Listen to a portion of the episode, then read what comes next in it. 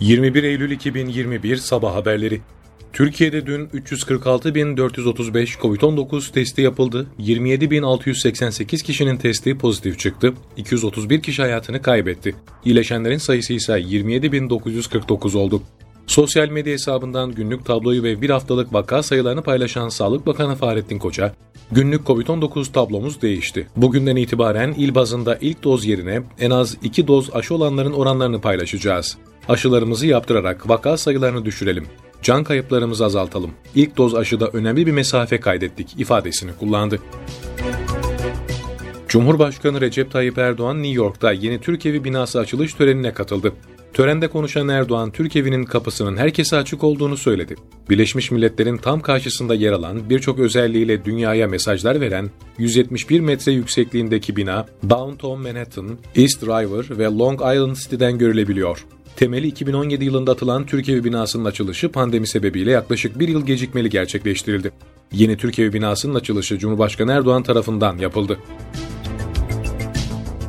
Birleşmiş Milletler Genel Sekreteri Antonio Guterres, New York'ta Türkiye'nin Birleşmiş Milletler Daimi Temsilciliği ile New York Başkonsolosluğu'nun yer alacağı yeni Türkiye binasının açılışında Türkiye ve Birleşmiş Milletler arasında mükemmel bir işbirliği olduğunu söyledi. Türkiye'nin ve Türk toplumunun mültecilere yönelik muazzam cömertliğine bizzat aşinayım diyen Guterres, korunmaya muhtaç mültecilere desteğiniz için size içten teşekkürlerimi sunuyorum ifadesini kullandı.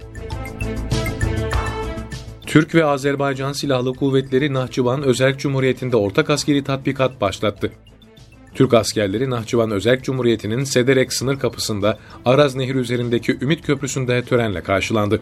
Törende İstiklal Marşı ve Azerbaycan Milli Marşı okundu, bayrak değişimi yapıldı. Bayrak değişimi töreni ardından askerler ve tatbikatta kullanılacak zırhlı araçlar konvoy halinde Nahçıvan'daki askeri birliklere doğru hareket etti. Amerika Birleşik Devletleri yönetimi tüm yabancı ülke vatandaşlarına aşı zorunluluğu getirmeye hazırlanıyor. Yetkililer Biden yönetiminin Amerika'ya seyahat edecek 18 yaş üzerindeki tüm yabancı ülke vatandaşlarına COVID-19'a karşı tam aşılı olma zorunluluğu getireceğini kaydetti. Şu anda tüm uluslararası uçuşlarda ülkeye giriş için PCR testi isteyen Amerikan yönetimi, söz konusu seyahat düzenlemesine ilişkin duyuruyu ilerleyen saatlerde yapması bekleniyor. Öte yandan Amerika'nın Schengen ülkeleri ve İngiltere'ye COVID-19 salgın nedeniyle uyguladığı seyahat kısıtlamasını Kasım ayından itibaren gevşeteceği iddia edildi. Meteoroloji Genel Müdürlüğü'nden yapılan açıklamaya göre yurdun çarşamba akşam saatlerinden itibaren Karadeniz üzerinden gelen soğuk ve yağışlı hava kütlesinin etkisinin altına gireceği öngörülüyor.